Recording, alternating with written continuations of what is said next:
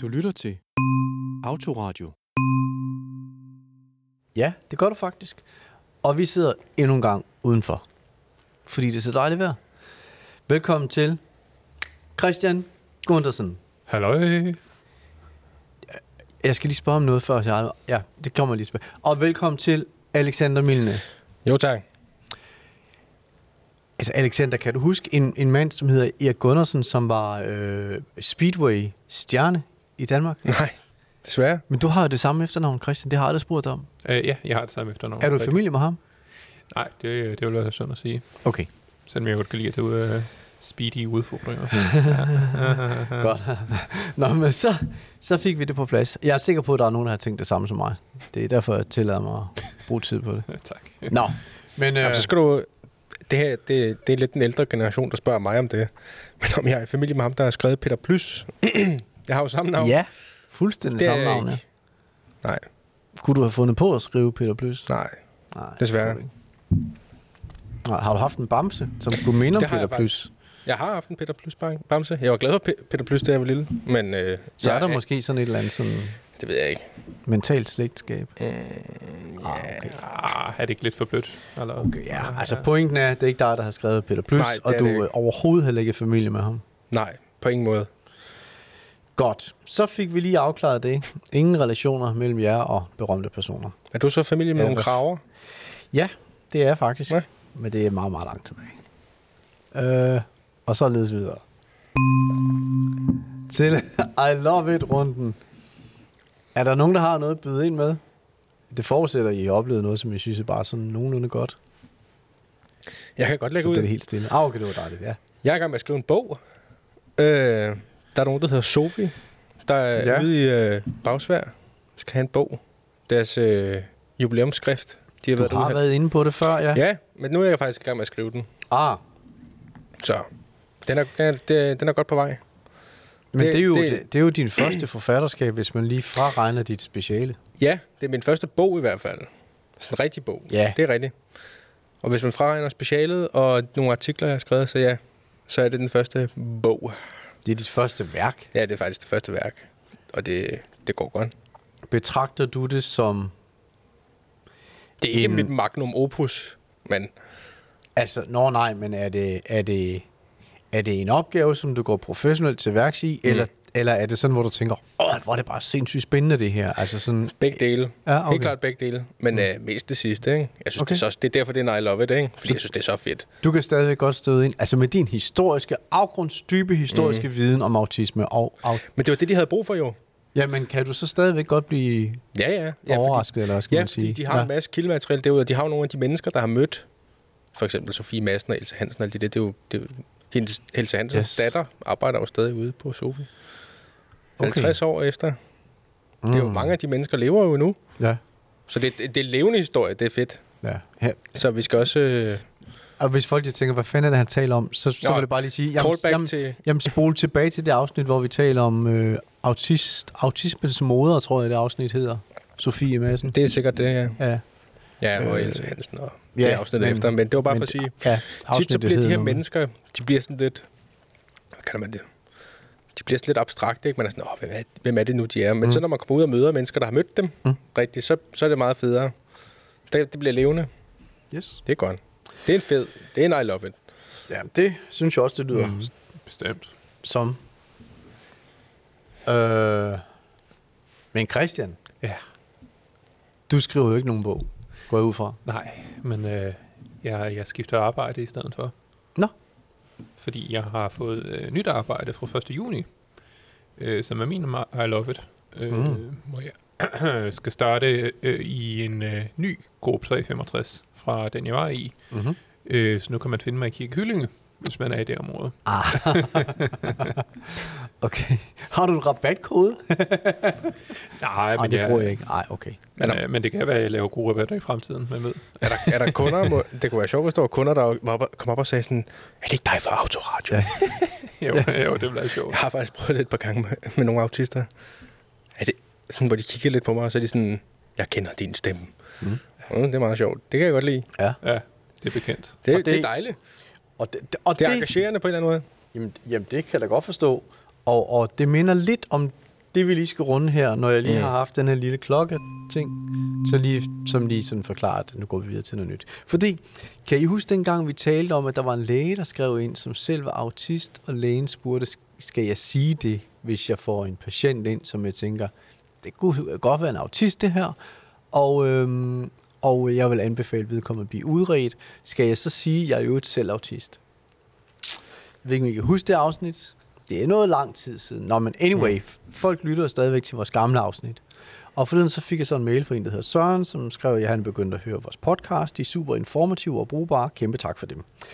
Øhm, nå, han skriver så, han ville nok ikke, hvis han var læge, at han ville nok ikke anbefale en læge at sige til en patient, jeg synes, du skal udredes for autisme, og i øvrigt skal du vide, jeg er selv autist, og der er ikke noget farligt ved det. Mm. Jeg kan ikke helt huske, hvad vores konklusion var. Men, men der, det, jeg synes er særligt uh, interessant i, uh, i Sørens uh, bidrag her, det er, at han skriver, forestil jer nu, at lægen fortæller om sin autisme. Altså til denne her patient, hvor lægen tænker, mm. Mm. det kunne godt være en idé for dig at blive udredt for autisme. I øvrigt skal du vide, jeg er det selv. Mm. Øh, men forestil jer, at lægen fortæller om sin autisme, og det misforstås eller ikke vil modtages. Mm. Mm. Hvordan lægen så kan blive hængt ud ved at overføre sine egne udfordringer til, kunne forældrene tænke, Mm. vores barn eller lignende. Og så skriver han, jeg kan desværre sagtens forestille mig tråde, der stikker helt af på, på sociale medier. Det havde jeg faktisk ikke tænkt over, dengang vi snakkede om det her. Nej, det kan jeg heller ikke sige Mm. selv. Øh, Øh, men, øh, men måske er der noget om, altså, og, og det der ligger i det her, det, der er både, altså, der er både sådan den her somi risiko, der er i at sige noget, som krænker eller gør andre kede af det eller sure, men der er jo også det der med, at det kan være rigtig, rigtig ubehageligt for nogen, måske at få at vide, at jeres barn har måske autisme. Mm. Ja. Øh, er I stødt på det? Altså lige den første del, det der med, at folk, de, altså at hvis der er nogen, der, altså det der med, at nogen, de vil ikke være ved det, eller det, det, det, det den markat skal du ikke bryde dig om at sætte på mig eller på mit barn. Ja, det genkender jeg godt. Jeg vil ikke nævne nogen navn, men jeg har nogle familiemedlemmer, hvor det har været sådan lidt... Øh, ja. De er meget accepterende nu, men Ja. ja. der er jo nogen, hvor man tænker, "Åh, okay, det skulle måske... Men det er jo... Øh, men det er jo også netop... Nu talte vi om det der med at maskere sig, så man lever Mm. op til normen i sidste afsnit, ikke? Men det er jo måske også...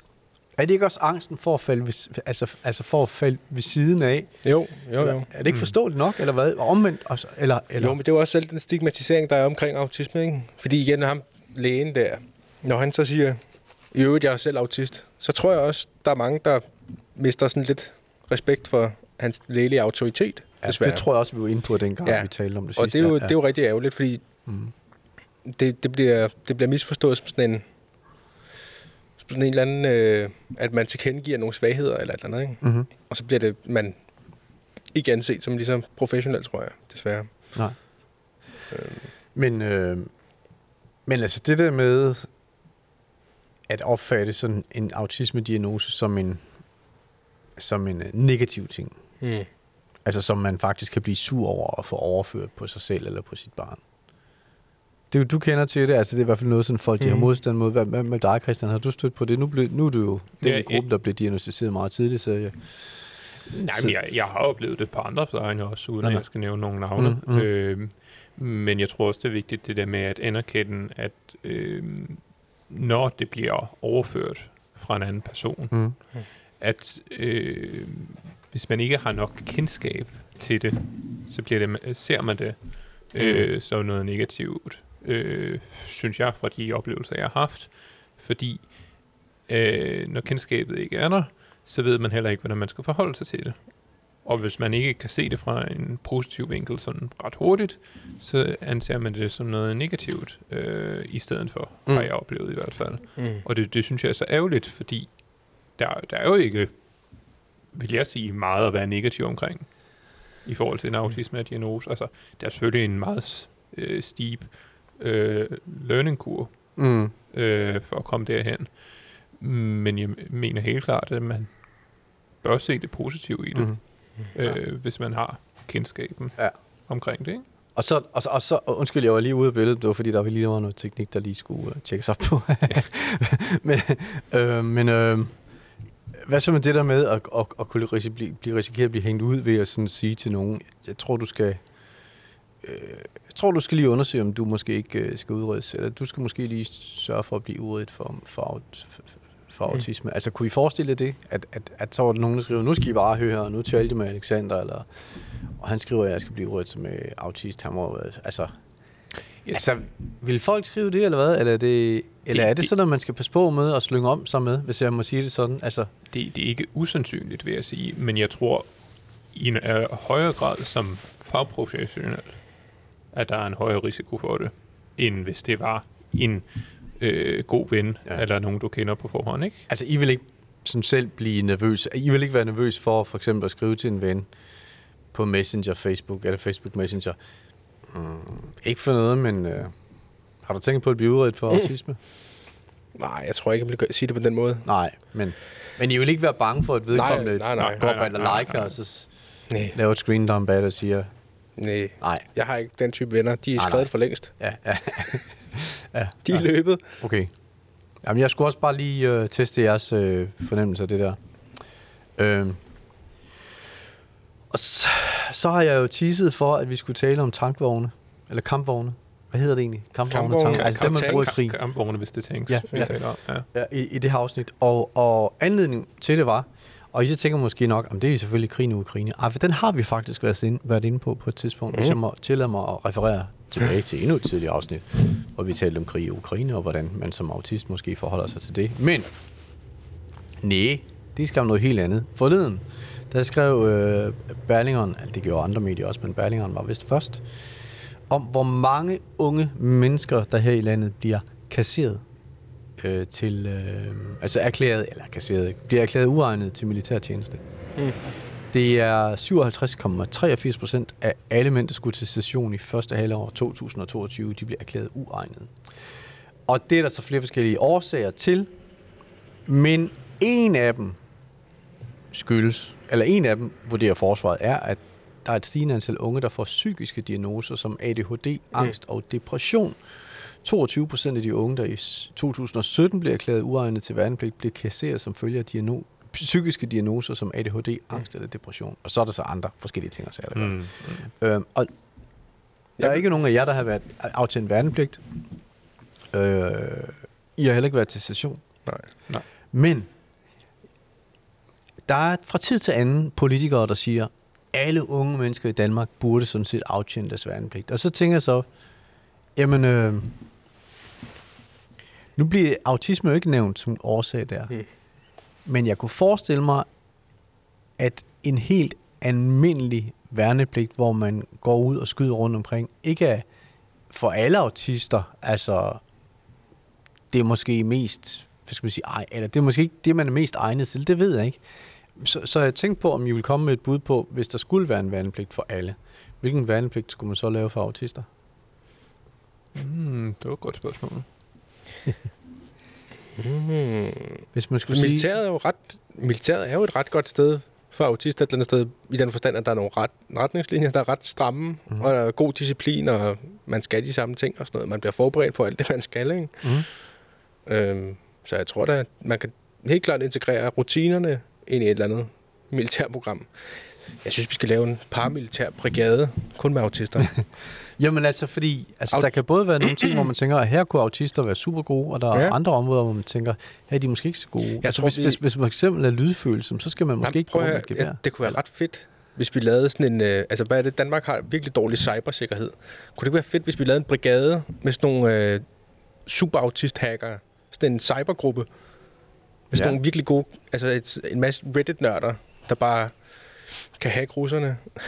Ja, Sådan nogle, au- en masse autister, så laver man en autismevenlig barak, Ja, ja, hvor de bare sidder der og knækker kodedagen lang. ja.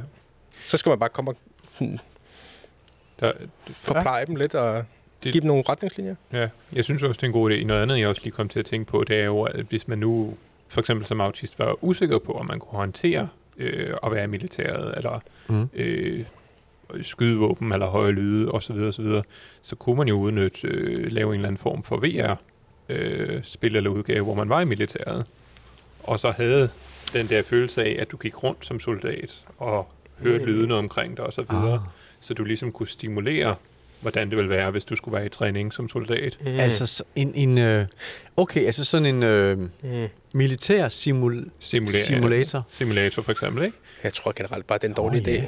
Ja, men jeg har faktisk været med ude i, uh, på Gentofte, var jeg sammen med Sara, ude og prøve det der VR.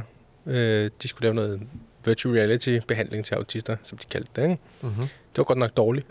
Nå, det var Okay. dårligt. Eller ikke dårligt. Eller sådan, det, det var, jeg var bare skeptisk over, at det var et hollandsk øh, VR-program. De er jo i gang med at teste i Danmark, men øh, for eksempel Sara havde meget det her med, at øh, for eksempel man skulle lære at komme ind i en bus. For eksempel så kunne man få prøve sådan et virtual reality-program, hvor man skulle ind i en bus, men det var en hollandsk bus, og den er rød. Og der er heller ikke noget sted, hvor man kan tjekke ind med rejsekortet og alt muligt, så sådan, det falder jo hurtigt til jorden, ikke? Ja. Ja, Så det skal være noget, noget, Det skal noget være noget- genkendeligt. ja, præcis. Ja, Ja, ja, ja, og det ja. var ikke særlig genkendeligt. Men det kunne man Det- da rimelig hurtigt gøre. Kunne man ikke bare sætte et øh, actionkamera på hjelmen af en værnepligtig i en dag, og så har du den? Ja, Jo, for to, eksempel. du er nødt til at have to, for at det kan være VR, ikke? Man kan jo godt få et actionkamera, Ja, ja, som er 360 grader. Jamen, det skal kunne lave 3D, ikke? Nå, okay. Ja, afhængig, det er- afhængig af, det hvor teknik, avanceret det du kigger gør vi det, på. ikke? Ja, ja, ja. ja. Men, men, men ideen var, så kunne man prøve det, så, så det var nogle opgivelser, man ikke havde prøvet før, mm. i stedet for at bare komme ud i det og så sige, Mm. så er Mm. du her i Mm. tre måneder eller lignende. Ikke? Mm. Altså for ligesom at give en stimulering. Og hvis det, man følte sig krænket af det, eller følte, at man ikke kunne holde til det af den ene eller den anden grund, Mm. så skulle man bare ikke øh, komme ud i tjenesten. Mm. Ja, Men er der... Ja, men jeg tror også helt seriøst, det der med øh, cybersikkerhed, det er jo også en del af militæret. Mm. Efter, øh, Forsvarets efterretningstjeneste kunne have stor gavn af nogle af de mere tekniske autister. Det tror jeg helt bestemt. Hvis man indretter nogle arbejdspladser, der er øh, Mm. visuelt og øh, struktur, altså sådan schemalagt, st- struktureret efter autisters behov, så kan Hvordan- man sagt. Og hvordan skulle man så gøre det, hvis, det, altså hvis man nu skulle sige, at alle skal aftjene værnepligt på en eller anden måde? Så kan man sige, Mhm. jamen, hvis du er autist, jamen så øh, skal man så have første ret til at komme ind i den der brigade? Det synes eller, jeg. Eller hvad skal man sige? Fordi, Mm. Ja, fordi, Men man er jo ikke nødvendigvis computernørd, bare fordi man er autist. Nej, det er rigtigt, men øh, man kunne måske også aftjene værnepligt på andre måder, end bare at stå med et gevær. Jeg tror netop det der Ja. med, at øh, den der hårde træning med også høje lyde, og mm. skal sove i barak med 100 andre mennesker, og jeg ved ikke hvad, ikke? Det er måske lidt for intenst. det, det tror jeg ikke, man sover med 100 Nej, andre jeg ved ikke, men... Altså, Men så man andre mennesker, man ikke kender nødvendigvis. ja, ja. Men i sin egen seng jo. Jo, jo, jo. Ja, ja, ja. Men øhm, Men, men, men du ved, der, er- der er mange indtryk, Henrik. Lad os det sådan. ja, ja, ja. Nå, jeg tror, man skal, man skal udnytte de analytiske evner, mange autister har, i stedet for de fysisk stærke elementer, hvis du forstår, hvad jeg mener. Men hvis Så det, det- så... Ja, ja det, forstår, ja, det forstår jeg godt. Så det er mere, jeg, jeg tænker mere over i sådan noget øhm, efterretningstjenesterne kunne have gavn af det. Altså, det I siger, er det så også, at i en hvilken som helst form for fysisk krigssituation, altså hvor man er andre steder end foran et skrivebord, så skal vi ikke have autister. Nej, det er Eller ikke det, jeg hvad? siger. Jeg siger I, ikke, okay. ikke nødvendigvis. nej, Nej. jeg tror, der er rigeligt med autister i militæret i forvejen. Bare udiagnostiseret. Ja. Jeg tror, der er en del Ja. ja. øh, gutter derude, som også, jamen det skal de have lov til, som har en særinteresse for masse våben og skal give der skal. Men øhm, ja. Ja. jeg tror Jamen, bare, det- hvis man skal gøre det til et større program, hvor det bliver en succes, så er man nødt, fordi det er jo ikke alle autister, der synes skydevåben, altså det er jo bare generelt, der, de fleste mennesker synes jo ikke, det er super fedt at stå Nej. med et våben. Nej, Så hvis man, vil gøre, hvis man vil gøre forsvaret mere inkluderende, så skal man også oprette de der stillinger i, i forsvaret, som er mere øh, går så en bløde, ikke? Hvor Men man er, Ja. måske står man for noget logistik, også til at hjælpe. Altså sådan, øh, soldaterne skal jo også forplejes. Det kan være, at man er god til at øh, planlægge, hvor mange rationer soldaterne skal have. og Sådan noget. Det kan jo også være en måde at tje- aftjene værnepligt på, ikke? At man er med til at rykke pallerne, eller hvad ved jeg. Ja. Ja. Altså så, jamen det, jeg tænker jo også bare, fordi øh, altså, hvis forsvaret har så svært ved at, at finde egnet, eller det ved jeg ikke, altså, de finder jo dem, de skal bruge indtil videre, har jeg forstået, men, øh, men der er rigtig mange, som ikke kan bruges i forhold til sådan som forsvaret i hvert fald. De, I forhold til de forventninger og krav, som forsvaret stiller lige nu. Men, men okay, jeg hørte det der med computer, men Altså nu spørger jeg også sådan meget fordomsfuldt og firkantet, men kan man lave en forsvarsuddannelse, hvor man, hvor man kan sige som udgangspunkt, den her, den er, den er tilrettet autister, og så kunne man så sige på kasernen, det og det sted i Danmark, der har vi en særlig autist-rekrutuddannelse. Giver det mening? Nej. Nej, Det gør det Nå, virkelig fordi. Det gør det det, kan jeg godt give mig. Nå, jamen, jeg spørger jo bare. Ja. Ja. Øh, I parentes, så dumt, fordi der findes jo skoler, som er, Mm. øh, hvad skal vi sige, s- s- altså indrettet ja. til undervisning af autister. Mm-hmm. Jamen, det er rigtigt. Ja, Så når I bakker ud på det der, er det så fordi, det på en eller anden måde vil være for diskriminerende, eller for, for kategoriserende, eller, jamen, eller fordi det er bare urealistisk? det- jeg tror, det er også fordi, det er urealistisk. Der er, men det er også fordi, militæret har nogle ret skarpe krav til, hvad det er, de gerne vil have. Altså, de vil gerne have nogen, der er kampdygtige. Og der bliver kvinder altså også sorteret fra, og folk, der har briller og alt muligt andet. Ikke? De vil jo have Mhm. dem, der har skarpe sanser, og som kan holde altså, sammen for sig selv i en krigssituation. Ikke? Ja. Og som også kan håndtere at blive traumatiseret. Ikke? Der er mange altså, Ja, det er også en, ja. det, hvis man er autist, så kan man jo faktisk ikke få traumebehandling i Danmark de fleste steder. Der bliver man da bare afvist. Fordi den traumebehandling, man har nu, den kræver, at man har meget øh, selvindsigt og forestillingsevne. Mhm. Og øh, det, det vurderer de mange steder, der, det har autister ikke nok af, til man kan hjælpe dem. Okay. Så det er faktisk også et stort problem, det der, hvis man kommer til at sende for mange autister Ja, ud i krig, ja. der ikke kommer hjem, og så kan ikke hjælpes. Det er jo et kæmpe problem. Mm. Mm. Altså, har I, har I nogensinde hørt om, at der, er, øhm, at der har været nogle eksempler, hvor mange ved jeg ikke, men der har været nogle eksempler på, altså, på, på øh, autist-drenge, som blev værvet, eller lod sig værve, hvad man nu vil, til, øhm, til terroraktioner. ISIS, har I nogensinde hørt om det? Øhm, Mm, nej, ikke Ja jeg har og hørt det. nej. Nej, okay. jeg har hørt et eksempel på en, Ja, der... jeg har hørt i- i- flere, men en, og, og den har bare sat sig i hovedet på mig. Mm. Jeg, hørte et eksempel, jeg ved ikke, hvem det er. Jeg har hørt et Ah, eksempel ja, fra en, det men det behøver var ikke terror. Men han havde... Øh, det var en gut. Han var... Altså det, jeg har hørt det gennem en anden i foreningen. Men Mm. han havde bare svært ved at få venner og sådan men han havde fået sig nogle venner over internettet. Og så havde Mm. de fået ham til at gøre alt muligt. Jo, han havde bare sagt, ja ja, så havde de havde fået ham til at finde alt muligt ulovligt frem. Mm. Og ja, den ene voldsomme ulovlighed efter den anden, han havde bare fundet det hele. Og så havde Ja. PT jo bare sprængt døren ned en dag, og så havde han bare Ja, ja. fået en kæmpe nedsmæld, og så røg han i spillet. Ikke? Der synes han egentlig, det var meget godt åbenbart. Der var der faste strukturer og Ja, alt det, og, ja, og, og det Er det nemlig den samme gut, vi har? Nej, nej, nej, det er det ikke mere. Men, øh, men, men, men, men det, jeg tænker på, det var faktisk en eller flere, der, der simpelthen blev rekrutteret til, øh, jeg tror, det var islamisk stat. Mm. Øh, og, og, og hvor jeg tænkte, at, at fordi som du siger, jamen, hvis, man er, hvis man er meget isoleret og, mm. og lever meget online, så kunne, og, og muligvis ikke får så mange andre indtryk af, af samme mm. Årsag, så kan man jo egentlig godt så kan man relativt nemmere end andre i hvert fald blive manipuleret til at tro, at noget det er rigtigt, eller, mm. Eller, eller, Mm. eller, eller vigtigt, eller hvad ved jeg. Men det næste skridt, det er så at netop, fordi det, det jeg stussede over, det var så det der med at indgå i en eller anden sådan meget voldelig og fysisk aktion. Mm. Ja. ja. Øh, og så tænker jeg så også, altså fordi mm. Du sagde det så før, og det var sådan lidt for sjovt, ikke, med det der med, at tror jeg nok, du sagde, at der var nogen, der kunne dyrke deres, deres, øh, deres interesse for våben, ikke? Ja, jo, jo, jo. jo. Og, og, og det er jo sådan lidt et farligt emne at komme ind i, fordi nu, nu skal det ikke lyde som om, at, at autister ville være farlige i militæret, men, men, den anden, men, men den anden side af mønten er jo også... Det er jo derfor, jeg blev jo også i første opgang indkaldt til session, da jeg blev Ja. 18 år, og så Ja. fik jeg også at at jeg var uregnet på grund af min ADHD-diagnose. Mm. Og det kan jeg egentlig et eller andet sted godt se logikken i, at det der med, at man, hvis man ikke kan holde koncentrationen, når man har et gevær i hånden, det er ikke skide godt. I lige, altså det er også det, der er, hvad man må acceptere, at ADHD er, er et handicap i visse situationer. Mm.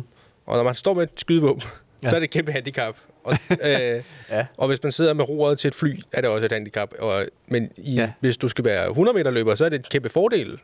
Ja. Ikke? Ja. Så det er, jo, det er jo det der med at tilpasse sig. Øh, handicap, det er jo ikke, altså for mig i hvert fald, det er jo også mange forskere inde i, det her med handicap, det er jo ikke, det er jo ikke noget, sådan, sådan, der er helt fysisk. Mm, Mm, mm. Sådan, sådan. Det handler om, at der er nogle samfundskrav, og hvis man ikke kan leve op til dem, det er der handicappet kommer frem, Mm, ikke? mm. Eller manifesterer sig. Mm. Og samfundet har et krav om, at der skal være nogle soldater, der kan de her, de her, de her ting, Ja, og så sorterer man de mennesker fra, som ikke kan det. ja, ja. Og det er der, diagnoserne bliver brugbare jo også. Ikke? Det er derfor, Mm. mm. man diagnostiserer folk. Det er for Mm. at vide, du har ikke de evner, der skal til i den her Ja. arbejdssituation, eller Ja. ja. i det her felt. Ikke? Ja. Så jeg tror også, at det, det hænger nok meget godt sammen, at mennesker med en ADHD-diagnose og autisme-diagnose bliver sorteret fra. Og det, ja, det synes jeg måske det er meget rimeligt et eller andet sted. Men Så, Mm. så skal man jo så sørge for, så er det jo samfundsopgave bagefter at finde ud af, hvad skal de så lave i stedet for. Ja, ja. Der er jo selvfølgelig, det er jo ærgerligt. Der er jo nogle, det må man også acceptere. Der er nogle mennesker, der super gerne vil i militæret, som bliver sorteret fra. Og det er nok ja, også meget og, godt. og det er egentlig det, jeg, og det, det er egentlig det, jeg sigter på, sådan Mm. med, fordi jeg ved godt, altså, som vi, som det er jo, altså, det er, jo- det er, Ja. altså, autister er jo mange mennesker, altså, mm. det er jo Mm. mange forskellige mennesker, men altså, skal man som militær, som udgangspunkt være sådan, altså også påpasselig i forhold til den potentielle fare, der måtte være i, at få en med en meget tydelig autisme-diagnose ind i militæret, fordi ja. vedkommende på et tidspunkt kunne risikere, at simpelthen at reagere uhensigtsmæssigt på Ja. en situation. Jeg tror bare, vi skal lade være med at starte en krig til at starte med. Jamen, den er jo så i gang, faktisk. Flere steder, Jo, men jo Det også var på os. Ja. Der er jo nogen, der siger, at uh, Mr. Putin er autist. Åh oh, ja, den er spændende. Det synes jeg også er sådan lidt... Mm. Hvad siger I til det? Jamen, der er mange ikke så flatterende mennesker, der har en autisme-diagnose. Elon Musk også, og Mark Zuckerberg, og Bill Gates. Og der er et par stykker mere, der klipper. Også, hvad hedder han nu? Ham, der har lavet Rick and Morty. Hvad hedder han nu? Jo, Øh, jeg kan ikke huske det. Men han er vist også autist. Men, øhm, Men Putin? men Putin, hvad men er der er mange... Der, hvad er det, der... Der er nogen, der siger, at han har meget... Øh, altså, han, han, der er nogen, der har sagt, at han tydeligt har nogle af de der Asperger-træk. Der med, at han er sådan lidt socialt akavet og har sådan meget sådan firkantet måde at tænke på, ikke? Jeg ved det ikke, men det, det er også bare sådan tit, så overanalyserer mange af de der Mm. korrespondenter på tv tit sådan nogle ting, og det er sådan en, der florerer. Der er jo ikke nogen, der ved, om han er det, vel? Men er det, kan, I, kan I genkende noget ved ham? Jeg kan faktisk godt genkende en lille smule ved Putin, men Ja. det er mere det der med, at han er sådan lidt øh, firkantet tænkende, tror jeg. Men han er jo ikke, han er jo ikke kun autist, Putin. Han er jo gal psykopat, ikke? Altså, så han har jo ingen, Ja. empati, han har jo ingen empati. Nej. Det, ja, og det, ja, Øh. nå, det er jo sjovt, du siger det, ikke? Fordi Ja. bare det, at han er... Altså, selvom han var autist, eller Ja, selvom det, han er det autist, havde ikke været nok. så er det jo ikke Nej, nødvendigvis det, der gør, at han nej, er den det er mand, det samme han med er. Elon Musk, ikke? Mm. Elon Musk er jo også autist. Ja. Tydeligvis, han er su- super socialt akavet, ikke? Og Mm. lever 80% af tiden inde i sit eget hoved. Lidt ligesom mig, ikke? Mm. Men samtidig så er han jo også bare et ubehageligt menneske. Altså, han har jo ikke nogen empati for andre. Som Sådan, han, han har nogle særinteresser for rumskibe og biler Mhm. mm-hmm. og Mm-hmm. teknologi. Og hvis der så er nogle andre, hvis der er nogle mennesker, der kommer i vejen for det, ikke? Så, Ja, så, Men altså, så skal er- de mases lidt, ikke? Men altså, det kan I jo ikke... I kan jo ikke slippe ud af, at der er nogle folk, der vil tillægge autismen skylden for Det det. klart. Altså, og for Putin også, og for andre, der måtte sådan være sådan... Ja. Være sådan specielle i, i historien. Men det er klart. Men det er der, er også nogen, der, har, fordi, der er ikke nogen, der har sagt, Hitler var autist endnu, vel? det, har, eller det tror jeg faktisk, der er måske nogen, der har sikkert. Ja. Men det er tit, Sikkert. det, men det, det er tit, der er sådan en, man prøver at finde sådan en eller anden psykologisk årsagsforklaring på mange ting, ikke? og der bliver autisme bare sådan en hurtig nem en, hvor man er sådan, åh, oh, han var bare lidt skør, ikke? Jamen, det er jo egentlig underligt, ikke? Mm. Jamen, Ej, det er jo egentlig, tror- hvorfor jeg tror- taler folk overhovedet om, om, om Putin han er autist? Men det tror jeg, fordi man... man det, Det er det for igen- at forklare hans adfærd? Det må ja, det være. det bliver for at forklare hans Men adfærd. det, du siger, det er, det kan ikke forklare hans adfærd. Jeg tror, det kan forklare noget af hans adfærd. Jeg tror, okay. jeg tror, det kan forklare noget af Putins selvisolerende adfærd. Det her med, at han gider heller ikke bruge en telefon, for eksempel. Det kan han ikke lide. Og han, Ja. han har nogle faste rutiner og så sådan noget. Men jeg tror, man Ja. kan forklare den selvisolerende, selvisolerende adfærd, og man kan forklare nogle af hans særinteresser og hans snæversynlighed med nogle ting. Men det forklarer ikke, hvorfor han har de her øh, store ambitioner, og hvorfor han er Nej. så ligeglad med andre mennesker. Mm. Det tror jeg ikke. Men den, øh, men autisme-delen af hans, hvad skal man Der er sige, der har allerede sagt, at han er autist. person. Ja, det, det nu leger jeg, det Ja, er okay. han. Men den kunne godt, den kunne godt medvirke til at forstærke de andre, hvad Ja, skal man sige, ja. karakter, personkarakteristika, han har. Jeg tror heller ikke kun det er hans personlighed. Altså det er jo også, det er jo igen, det er det her med, at han har en magtposition, og der er heller ikke nogen, der siger ham imod. Så der tror jeg også, at han, hvis han er autist, at det vil være en kæmpe ulempe, fordi han kan ikke læse. se- Hvis han er autist, så vil han jo heller ikke kunne læse selv, hvis han går galt i byen med ting. Ikke? Han tager jo alt for gode varer, så når folk lyver over for ham, så, kan Mm. han heller, så vil han heller ikke kunne læse altid, når de lyver. Så tror han jo på alt det, han får at vide. Ikke? Så hvis han har omgivet sig selv med sådan en gruppe yes-mænd, der bare giver ham ret i alting, så vil han ikke kunne slippe ud af sådan et... Ja, det er et meget godt argument. Øh, Det er da interessant, fordi han er jo... Øh, Det har jo været fremme sådan flere gange, hvordan han har Mm. modsagt folk i regeringen og sådan for at få ja. åbent kamera og sådan.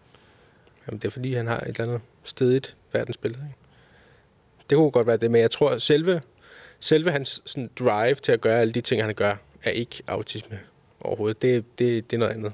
Det er Okay. også hans personlighed. Men Så hvis, det, så hvis det er, at vi sådan er nogenlunde enige om, at autisme og militærs, militærtjeneste, det er ikke et super godt match, medmindre man kan finde sådan noget, noget computer, noget efterretning, noget logistik, noget, hvad skal man sige, skrivebordsarbejde. Mm. Men felt militant arbejde, det er ikke lige noget for en autist. Men, men det er ikke det Mm. samme som, at vi må sige, at øh, en statsleder autisme, det går ikke sammen. Det kan det godt gøre. det kan det godt. Ja. Men jeg tror også... Øh, Fordi Putin, han er meget mere end det, hvis det er det, han er. mm, ja, Eller hvad? Jo, jeg sad bare lige og tænkte på, hvilke andre ledere... Altså, der er også, jeg tror helt klart, der er et eksempel på en autistisk leder i historien. Det er Karl den 12. af Sverige. Der starter... Ham, ham kender vi alle. Du behøver ikke Karl fortælle om 12. ham. Karl den 12. var øh, konge af Sverige fra 1700-tallet og startede Store Nordiske Krig. Han havde en sær interesse for krig, Karl den 12. Okay. Øh, han, altså det er sådan noget, han starter Store Nordiske Krig i år 1700, eller 1701, jeg kan ikke huske, hvornår det er. Altså, og så drager han bare i feltog i 20 år, og altså slider Sveriges økonomi og bundestand helt tynd, fordi han bare rekrutterer og går i krig og gider ikke. Der er jo sådan en, der er en berømt, øh, jeg kan ikke huske, om det var berømt der, men det er sådan noget, da Karl den 12. er sådan 6 år gammel, så giver hans far ham et regiment soldater til at lege med ude på Slotspladsen hvor Karl den 12. han har klædt sig ud som sådan en lille general og bare dirigeret 120 mand frem og tilbage hele tiden, fordi han synes, det var sjovt. Sådan, ligesom sådan tinsoldater. Han har bare været 120 mænd, han bare har leget rundt med. Så har han fået en eller anden særinteresse for krig. Og så øh, han bliver... Karl den 12. han, han bliver øh, 18 der, så han, hans far dør, og han bliver konge som 18-årig. Men hans mor insisterer på, at Karl den 12. skal giftes og have familie og børn og sådan noget. Gider Karl den 12. virkelig ikke. Det er det med kvinder. Han har været en aseksuel autist, det er 100 på. Og så det, det, der sker, det er altså, at der er en eller anden prinsesse, eller der er en eller anden kvinde, han skal gifte sig med, og hun kommer i karet og skal køre op til Stockholm, eller Uppsala, eller hvor fanden det nu er. Mm. Og hun, på mystisk vis, så kareten, den kører af sporet, og hun dør i en karetulykke på vej derop, inden de kan nå at giftes. Uheldigvis. Fordi så Karl den 12. Han, den dag han bliver 18, så erklærer han bare krig mod alle naboer. Danmark, Polen, Rusland, og går bare i krig med alle. Og tæver alle. Og så er det sådan noget, til sidst så hele Danmark er smadret, Rusland er smadret, og så Tsaren og Rusland er sådan bare sådan, du kan tage alt det område, du vil have, og Karl den 12. er bare sådan, nej, vi skal slås videre. Jeg synes, det er sjovt, det her. Og så kører det bare på. Okay. Og han har bare været så... Og det ender jo med, at Karl den 12. der i, øhm, i 1721, han, han rider jo rundt op ved fronten i de der løbegrave i øh, ved det, der hedder Christiansand, som er sådan en, en borg øh, tæt på Oslo. Fordi han har igen igen igen erklæret krig mod Danmark i et eller andet. Og så sker der det uheldigt, at øh, Karl den 12. han løber rundt i det der løbegrav på sin hest, og så bliver han skudt i baghovedet. Meget mystisk. Og så det, den svenske her meget hurtigt til at pakke sammen og tage hjem der, fordi folk var simpelthen, simpelthen helt trætte af ham. Han er bare Okay. okay. 20 år. Hele, hele Sverige er bare blevet slidt tyndt, fordi den ene mand der havde en, en mission om bare at have det sjovt i krig. Hold da kæft. Så det er også derfor, at mine kolleger siger, at øh, hvis jeg en dag bliver lidt for træls at lave din Karl den 12. intervention. Ups. Den er ikke rar. Nej, Nej, det var mere for, at sige, mere for at give et eksempel på, at man kan godt være autist. Altså, jeg er sikker på, at Karl den 12. var autist. Det er en skide spændende historie, det der. Og så også, men man kan godt være autist og synes, krig over at være i krig er sindssygt spændende og sjovt. Men jeg ved ikke, hvor sjovt det er for alle andre. Nej. Især hvis man er enevældig konge og bare kan gøre, hvad der passer ind, ikke? Ja. Mm. Han bliver husket som krigerkongen i dag, ikke? Det var jo en, det var en fantastisk fortælling. Altså, jeg er helt... Jeg er lam, eller mundlam, eller hvad det hedder. Jeg er fyldt op også. Jeg er Mm. simpelthen fyldt op. Jeg ved ikke, hvordan Jeg skal nok også tige stille nu. Jamen, øh, jamen, jeg synes ikke, der er mere at sige. Er, er der det? Altså, var det ikke bare en god historie at slutte af med? Jo, det tænker Det jeg. vil jeg godt sige. Ja, jamen, øh, tusind tak for det. Christian Gundersen, som ikke er i familie med nogen kendte Speedway-stjerner. Tak, tak for det. Og tak til Alex Milne, som nok er historiker, men ikke har skrevet Pille Plus-bogen. Ja, tak. Og tak til dig, kære lytter, for at lytte med endnu en gang. Du har lyttet til Autoradio.